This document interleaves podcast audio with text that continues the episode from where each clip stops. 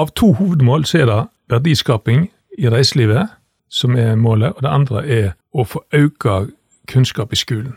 At ungene våre skal lære mer om landskapet vårt, berggrunnen vår, hvordan den har påvirka kulturen vår, og gjerne bli litt ekstra stolte over å være sunnhordlending.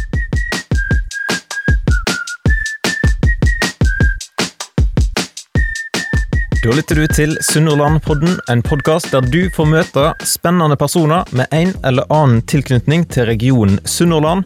Og Podkasten er produsert av Kjetil Fyllingen.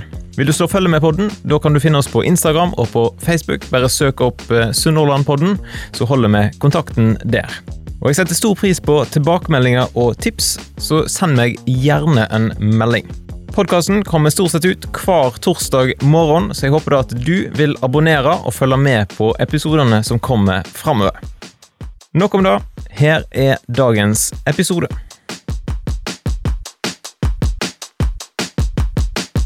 Hva er en geopark, og hvor finner du den? Hvorfor skal Sunnhordland prøve å få innpass i Unesco sin eh, globale geoparknettverk? Da skal vi faktisk få svar på i dagens eh, episode av Sunnhordlandpodden.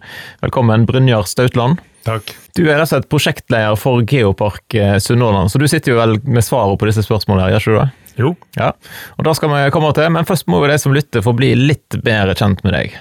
Så hvis du skal presentere deg sjøl, hvem er Brynjar Stautland? Ja, jeg er bømling, sunnhordlending og eh, far til to på ni og tolv. Og bor i lag med familien min da, på kanalen. Og veldig opptatt av friluftsliv, hjortejakt spesielt. Eh, godt kjent i Sunnhordland. Eh, har jobba en del som lærer. Nå sist i noen år for, med norskopplæring for syriske barn. Men nå jobber jeg altså som prosjektlærer for Geopark Sunnhordland. Samt for, eh, som prosjektleder for å sertifisere Sunderland som et bærekraftig reisemål. Begge prosjekter blir eid av Samarbeidsrådet, og de går i noen grad over i en annen. Så har jeg jo googla deg litt sant, og funnet ut at du har drevet på med både dokumentarfilm, og du har skrevet bøker, undervist som du sa, og holdt på med musikk og teater, så du har gjort ganske masse forskjellig. Ja, jeg har det. Det hvis du skal trekke fram et, måte, ett eller to høydepunkt fra karrieren, hva vil det ha vært?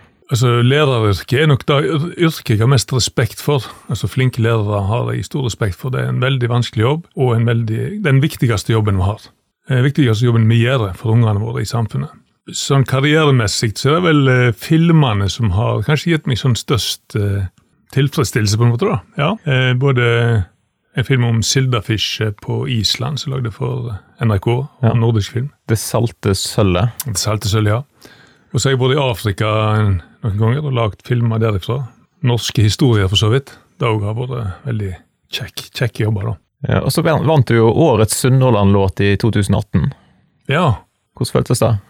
jo da. Det er klart det er en veldig fin anerkjennelse, da, på at en, at en eh, ja, får noe til noe som folk liker, Ja. med toner og musikk. Og De ligger ute på, på Spotify, eller den sangen ligger ute på Spotify. Ja, den og noen andre, ja. Ja. Mm. Men dette med stein, da, har du alltid vært interessert i stein? Ja, jeg hadde, ble nesten geolog, faktisk. Ja. En gang i ungdommen, når en sto på, på terskelen til voksenlivet og skulle velge utdanning, så var geolog, geologi et av de studiene jeg seriøst vurderte. Nå ble det ikke det, men det ble lederskole i stedet for, og biologi som eh, hovedfag. Så stein har vært interessant, men ikke minst den kulturelle bruken av stein. Det har interessert meg kanskje like mye som geologien i seg sjøl, helt ifra jeg var unge. Altså, Fortellingene om steinalderhistorikken, som er så sterk til stede i Sunnhordland, den syns jeg var utrolig fascinerende. Ja, og så der Jeg skal få høre litt flere historier om det, tenker jeg. Men eh, jeg har jo undersøkt litt, og jeg fant ut at du er daglig leder for Bømlo Gold Mining Company, DA. Nemlig. Det høres jo veldig avansert ut. Ja, ja, ja. Nei, du, du snakker rett og slett med en uh, gullgruvedirektør. Det er ikke litt eh, Nei, det er jo veldig antagelig sjelden i Sunnlandsbodden. Um, så jeg er en av fem direktører da i Bømlo Gold Mining Company. Det er vel ærlig talt ikke andre tilsatte der. Um, tannlegen han er båresjef, selvsagt. Um, men vi har eh, altså Det er selvsagt et hobbyprosjekt, dette, men vi har Norges eneste konsesjon på uttak og salg av berggull. Det er ikke dårlig.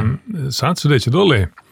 Eh, og der, eh, nå de siste tre årene så har det jo vært eh, muligheter for å kjøpe seg dagspass og være med i grua og lete etter gull. Blant annet nå i sommer. Ja. Og Jeg leste en plass at dere skal utvide Nei, jo, dere skal utvide pureste gull og hvite steinen ved hjelp av dynamitt og rå makt, kombinert med slegger og meisel. Ja, du har virkelig gjort leksa di. Ja, ja, ja. Ja, det er før- firmaføremål i Brønnøysundregisteret, ja. Ja, stemmer. ja. Det var skrevet på en serviett og sendt inn. Ja, men det, Hvor mange kilo gull eh, blir det på en måte i løpet av en sommer? Du vet, du får dette et, et ærlig svar på det hos en gullgraver. Eh, Men gull finner vi. Ja. Ja, men det høres jo veldig spennende Og vi har en eh, kvalifisert gjetting på at vi har 1,3 tonn gull liggende i kvartsen i Haugesundskongen vår. Der ligger han vel for så vidt godt, kan jeg si. For det krever et visst arbeid å få han ut. Sant? Men det er morsomt å gange tonn med gullpris per gram, selvsagt. Sannsynligvis. eh, Ja. Det blir litt, da. Mm. Ja, og så er du òg sjef for Kystguiden AS. Ja, Hva er det for noe? Eh, ja, det er et selskap som jeg eier, som starta for noen år siden for å prøve å spisse, spisse tilbud inn rei, eller reiseliv, foredrag, guiding mot turisme, da, i Sunnhordland. For jeg har drevet med det ganske lenge i et, i et annet selskap som jeg eier, som heter Stautland AS, som driver med både filmer og bøker og oppdrag, kåseri, foredrag teaterjobber, alt mulig. Men så tenkte jeg at kanskje en burde lagd seg et selskap som kanskje tydeligere var retta direkte mot reiselivet, da. Fordi Ja. at det fins ingen sånne typer eh, Eller det finnes, fantes et selskap i Rosendal som drev med det samme.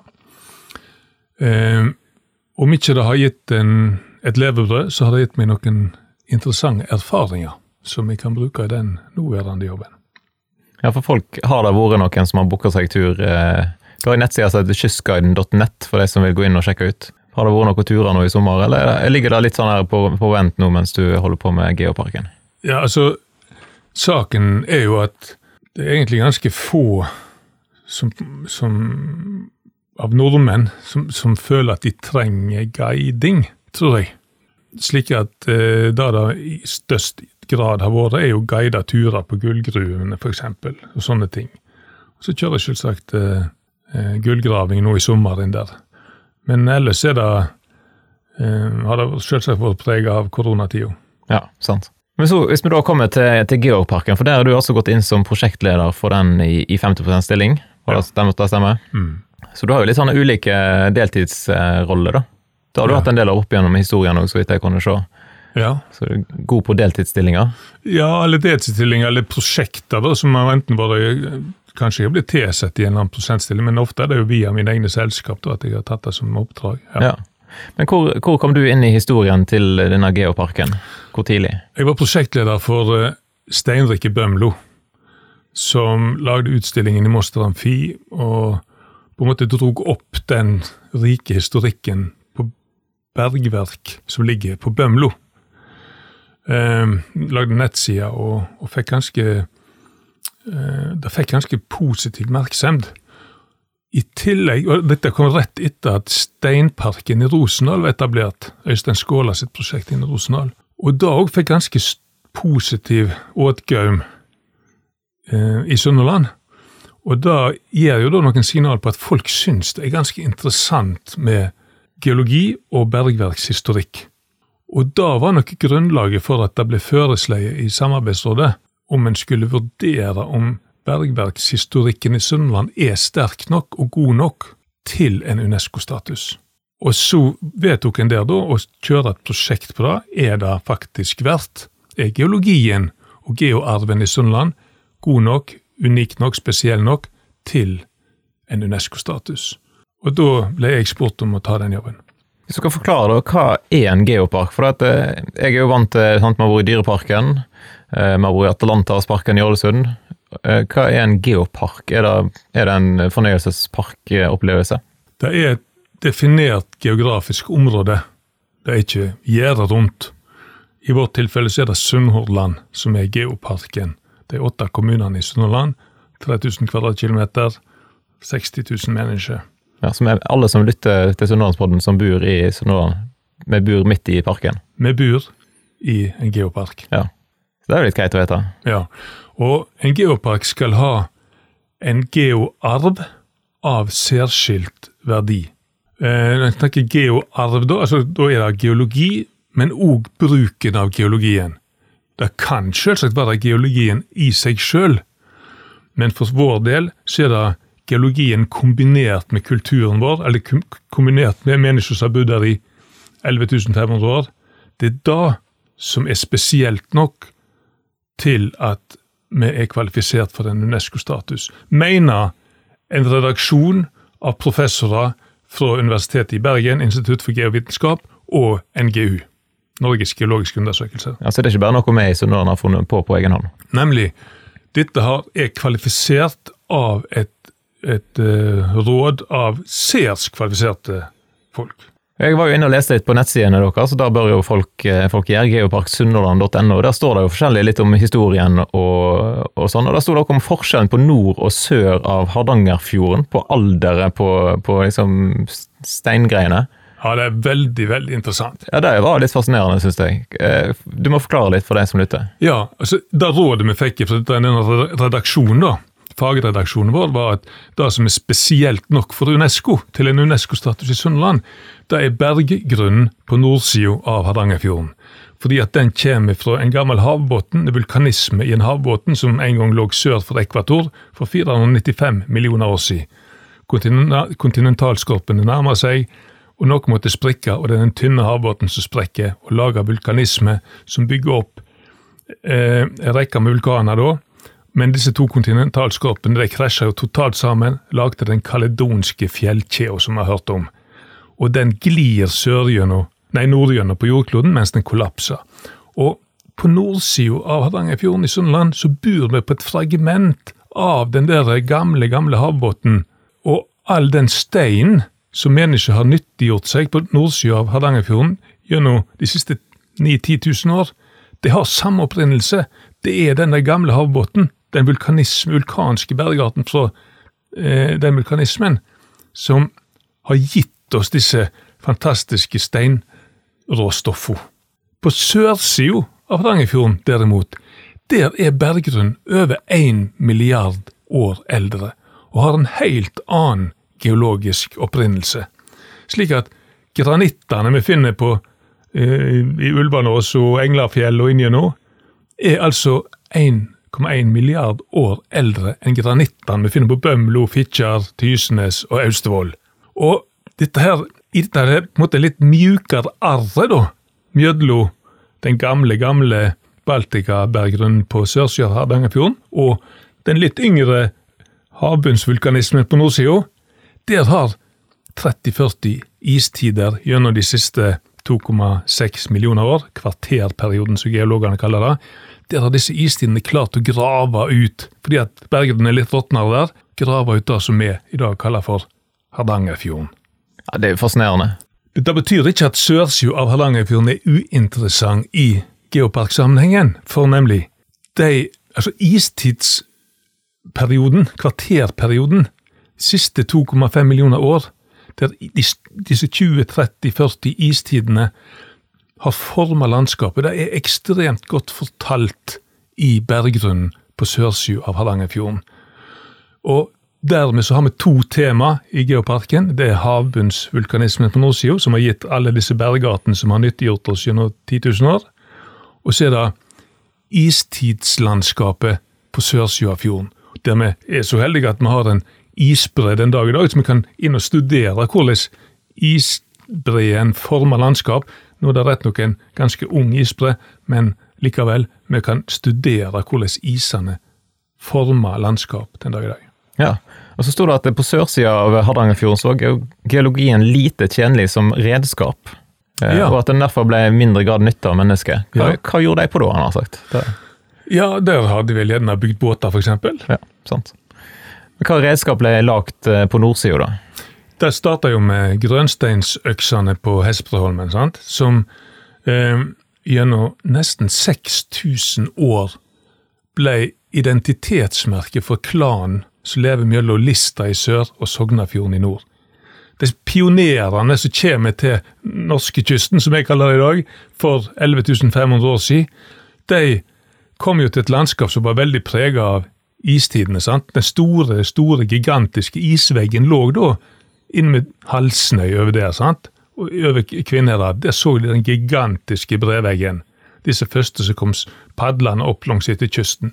De finner et, et, et, en kyst som er veldig rik på liv, på hvaler og sel, fisk, eh, isbjørn. Men de finner ikke flint. Og flint er på en måte universalverktøyet for alle pionerkulturer nesten i hele verden. Men her finner de ikke flint, i, alle fall veldig lite.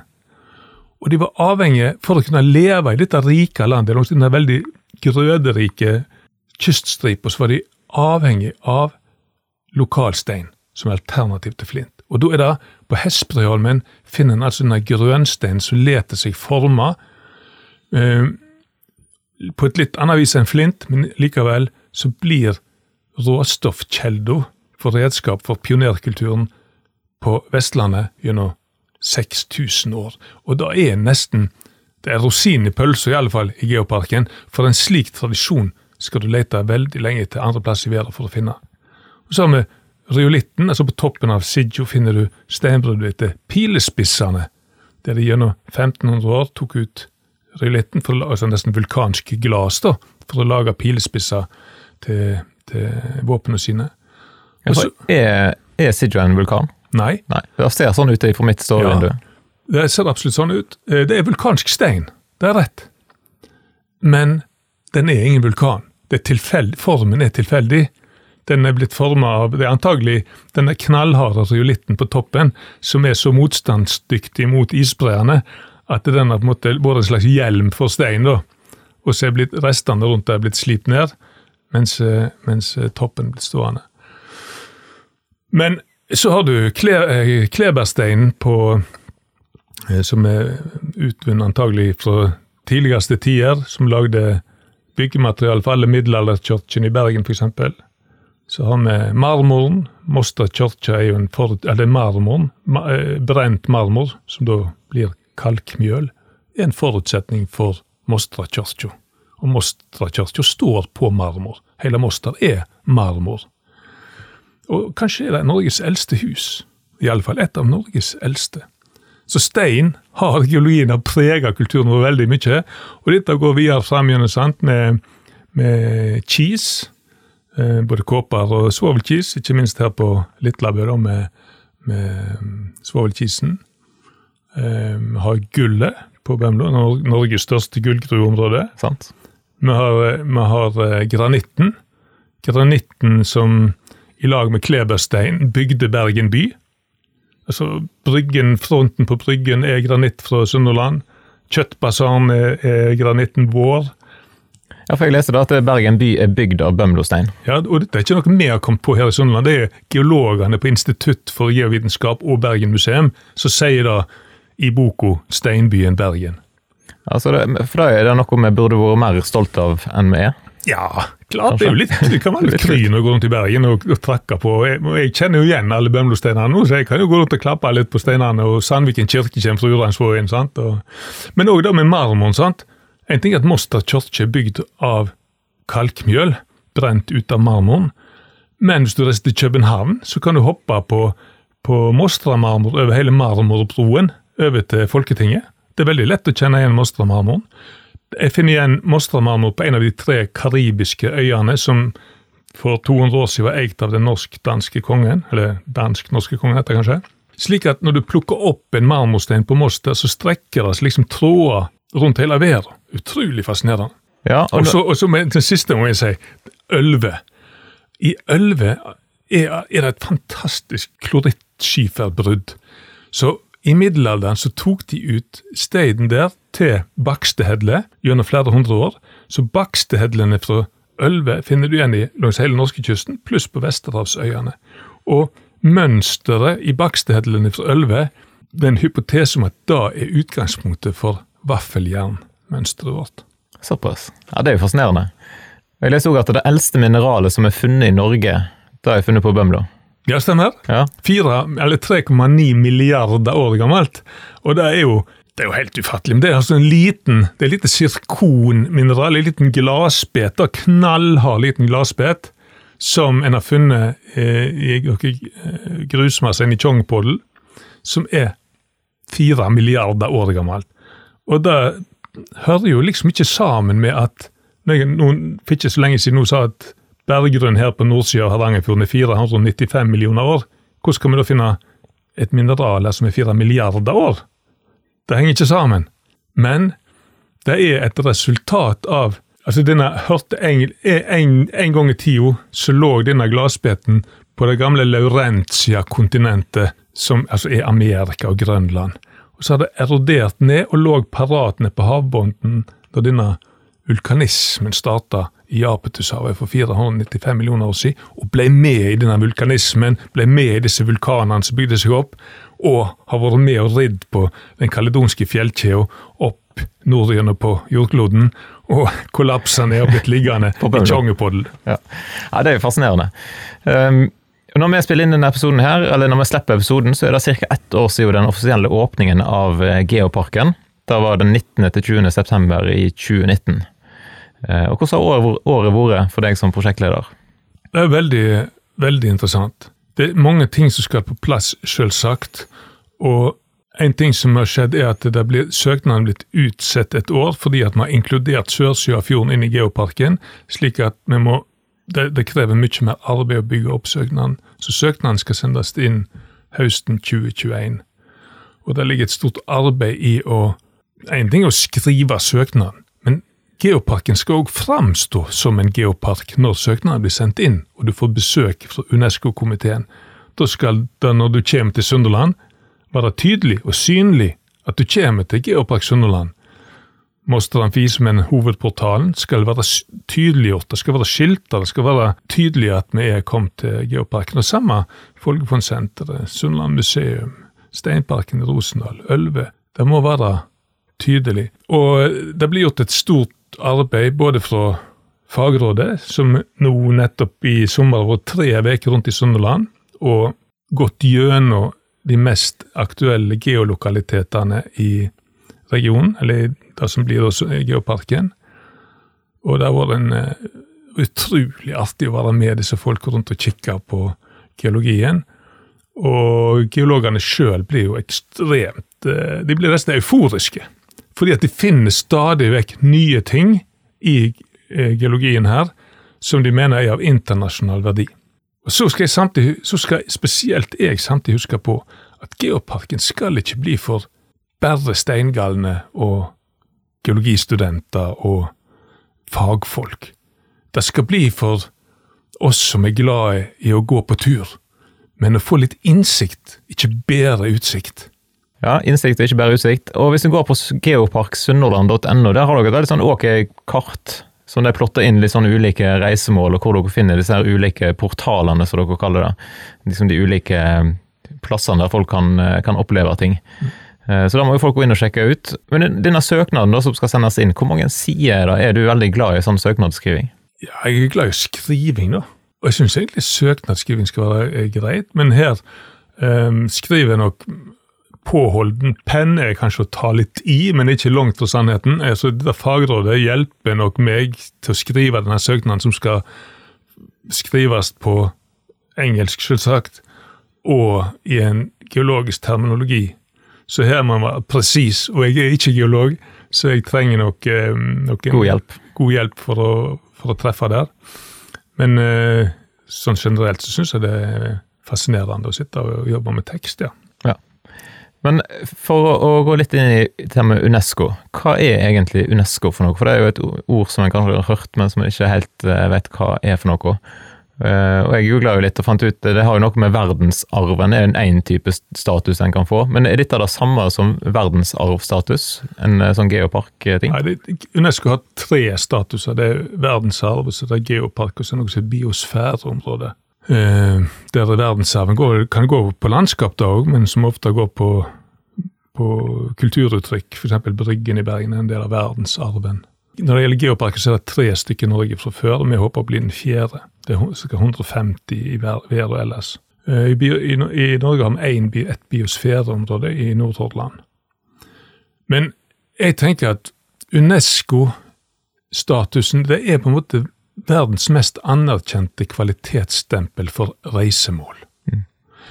Og da hvis, hvis Sunnhordland har naturgitte forutsetninger for å få den, så må vi nytte den sjansen. For nemlig, vi fikk nettopp en rapport om reiselivet i Sunnhordland, lagd av Menon Economics, eh, i det andre prosjektet jeg jobber med, nemlig bærekraftig reisemål.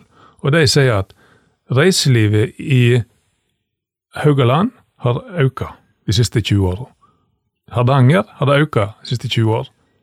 Bergen har det økt de siste 20 år. I Sunnhordland på staden hvil i 20 år.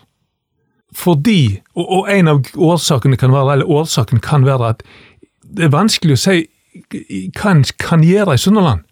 For det er et veldig variert naturområde. Du kan sykle, du kan padle, du kan gå på bre, du kan gå i fjell, du kan fiske. Altså, vi har veldig mange aktiviteter vi kan profilere for Sunnhordland, men vi mangler liksom det ene sterke. På Voss kan du liksom er, Du kan gå på ski. Samme Trysil, ski. Voss har liksom en actionsport. sant?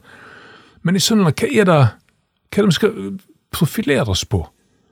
Og da tenker jeg, hvis vi har muligheten til å skaffe oss verdens mest anerkjente kvalitetsstempel for reisemål, nemlig Unesco-statusen på en geopark, så kan vi bruke den geoparken som sånn utvetydig signal ut til de som, til, til turistene, at her har noen vurdert dette her ekstremt spesielt område, virkelig verdt å besøke.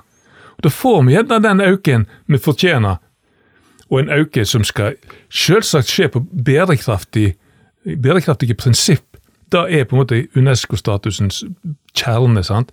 Det skal være en, et reiseliv som vi klarer å ta vare på, at det er et varmt vennskap. Vi klarer å gjøre, ha reiseliv her uten at det går på bekostning av naturen. Da kan du rett og slett eh, lage litt eh, gull av gråstein? Ja. Eller ja, av marmor? Gull, ja, men uh, gull av stein, iallfall. Ja. Uh, så du, du har rett og slett tro på at det da kan ha store ringvirkninger for reiselivsnæringen? Jeg mener at dette gir oss muligheten til å virkelig få verdiskaping eh, i reiselivsnæringa. Eh, det er på en måte Av to hovedmål så er det verdiskaping i reiselivet som er målet, og det andre er å få økt kunnskap i skolen. At ungene våre skal lære mer om landskapet vårt, berggrunnen vår, hvordan den har påvirka kulturen vår, og gjerne bli litt ekstra stolte over å være sunnhordlending. Ja, det høres jo veldig bra ut, da. Hvis kan få det til. Når får en svar på søknaden, hvis han skal inn høsten 2021? Ja, Det er et godt spørsmål, fordi dette tar tid.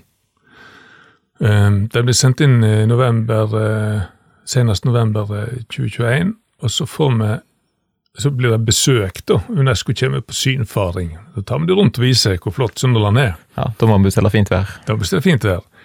Og så får vi svar eh, januar 2023. Så det tar et godt år å få svar. Og da er det veldig viktig at vi har politikerne våre med på kjøpet, ikke minst stortingspolitikerne. For nemlig, i 2023 må Geopark Sunnhordland inn på statsbudsjettet. For kommer vi inn på statsbudsjettet, så får, vi være med og dele den posten som er etterlatt til geoparker. Det er ganske viktig for oss å få tak i den økonomien eh, vi kan, for å få løse de oppgavene som ligger i drifta. Ja, for da følger det ikke med noe penger fra Unesco? En, Nei, det gjør det ikke. Men da følger kanskje noen krav om hva en skal ha på plass, eller hvordan ting skal Absolutt. driftes videre? Absolutt. Eh, som jeg snakket om i stad, det med at Geoparken skal fungere som geopark. altså Det skal være tilbud, det skal være opplæring, det skal være fasilitering for reiselivet. altså Lære opp reiselivet. altså Hva er geoparken? Eh, sånn at resepsjonisten på Stord hotell vet hva, det, vet hva han skal svare, eller vet hva hun skal svare når eh, turisten spør. Og, hotellet har på en måte materiell de kan legge fram på forskjellige språk. og, og eh og det, som sagt, det skal være synlig. Geoparken skal være synlig, tydeliggjort. Ja, det var En ting som var etterlyst, så jeg i lokalmedia, var jo mer eh, tilrettelagt guiding i gruene på, på Litlabø. Altså, der er det jo guiding, men det er, litt, det er jo ikke, det er ikke noe fast åpningstid, eller sånn som jeg har forstått. Er det mulighet for å få inn i dette her? Ja, eh, vi er i dialog med Litlabø grue, selvsagt, som er en av de beste lokalitetene faktisk i Geopark Sunnland. Og gruene er jo Jeg tror det må være den beste besøksgrua i Norge, helt klart. Og i jeg vet ikke hvor stor omkrets, men, men jeg har vært kikka en del sånn besøksgruer i geoparker rundt dette, og Litlabø overgår alt. Så den gjengen som driver Litlabø grue, de har virkelig gjort en kjempejobb. Og det er eh, fint mulig å få seg guiding. Det er bare å ta kontakt med dem, så ordner de guiding. Eh, med et større potensial, et større publikumspotensial, altså større flere turister som er som vil ønske guiding, så er òg grunnlaget til stades for å få fastere rutiner på guiding. Og Det er da jeg tenker at Geoparken skal bidra til. Den skal gi reisende a reason to, to go til Sunnhordland and stay i Sunnhordland noen ekstra dager. Da er målet med å få UNESCO-status på Sunnhordland. Så har du snakket om bærekraftig geoturisme. Eh, hva ligger i ordet på en måte bærekraftig her? Hvordan ser det ut i praksis? Geoparken skal ikke eh, promotere aktiviteter som reduserer begrensa ressurser. Eh, F.eks. salg av fin stein som er importert fra Sør-Amerika eller en, en, plass. Det er aktiviteter som er problematiske, og som antagelig ikke vil bli godkjent. En skal Det er på en måte ideen om sporløs ferdsel, som er et veldig godt begrep, syns jeg. At geoparken skal gi kunnskap og gi grunnlag for økt omsetning, men det skal ikke gå på bekostning av, av begrensa naturgitte ressurser. Den tanken må være med deg hele tida. Hvis ikke han er der, så glipper du på det. For eksempel så har jeg eh, konsesjon på gullutvinning på Løkling. Jeg vil tro at det kan bli problematisk å promotere inn i geoparken som en aktivitet. Selv om det er en lovlig virksomhet, for jeg har konsesjon. Allikevel, jeg tror eh, Nå blir jeg sittende på begge sider av bordet der, men jeg tror på en måte Du skyter litt i foten. Ja, men jeg tror geoparken vil vinne der. Og så tenker jeg at nei, den, den holder ut forbi. Altså, Bumble Goldman Company kan saktens drive med, med gullutvinning og, og, på en måte gi mulighet for at noen kan komme der og, og grave gull, men vi promoterer da ikke Geoparken, eksempel. Vil det, dette med, Hvis en får godkjent, da, vil det, vil det styrke Sunnhordland i Vestland fylke? Vil det ha noe å si for posisjonen vår? Jeg tenker det, og navnet er selvsagt ikke tilfeldig valgt. Geopark Sunnhordland. Det er klart det, er, det handler også om å konsolidere Sunnhordlandsregionen. Og jeg syns jo det er fascinerende når jeg føler disse geologene. De ser jo ikke på kommunegrensene. De føler marmorbeltet, sant? Så går de fra helt vest i og helt inn til Varaldsøyna. Og videre inn der. sant? Så, og det er det som er fascinerende her, syns jeg, at vi kan spille hverandre gode. Når du er i Moster Amfi og turisten kommer at du skulle sett nå, det, én ting, du må inn og se i Folgefondsenteret. Eller du må inn og se den der grua i Fuglaberg, Åsen i Ølve. Det, blir, det er en helt eventyrlig plass. Sånn at, at vi kan spille opp hverandre hele tida. Og det er klart at når Sunnhordland som region får en UNESCO-status, så har vi en ekstra medalje på brystet da, når vi kommer inn i fylket og skal diskutere ymse. Ja, høres lurt ut. Hvis du skulle gi da, mot slutten her, hvis du skulle gi noen sånn topp fem reisemål i Sunnmøre nå har du allerede nevnt flere av dem, på en måte, men klarer du å gi ei lita sånn toppliste? Det kan være dine personlige favoritter. Altså, Instagram-magneten ser vi jo. Det er Bondestaden, sant? Ja, det har vært en del bilder av den båten der oppe i sommer. Den båten er godt fotografert. Og så kan en selvsagt diskutere skal vi da, altså Det er ganske mye besøkende der, og i pinsehelga var det gjerne i overkant. og sånn, og, og, det er klart at En kan diskutere om det blir for mye, men det handler òg om å legge det til rette, slik at en tåler å ha mye besøk der. At det er toalettfasiliteter i orden, at en har parkering nok, eller eventuelt båttransport fra Rosendal og inn til Sunndal. sant? Men en trenger noen sånne lokaliteter.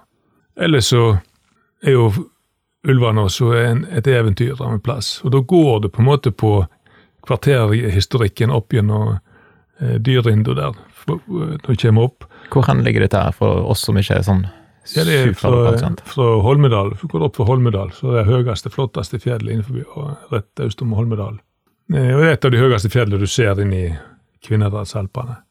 Ellers så syns jeg jo at uh, Ølve og Fuglabergåsen, så Hedleberget i Fuglabergåsen, da er vel kanskje det som har gjort størst inntrykk på meg nå etter jeg begynte å jobbe med Geoparken.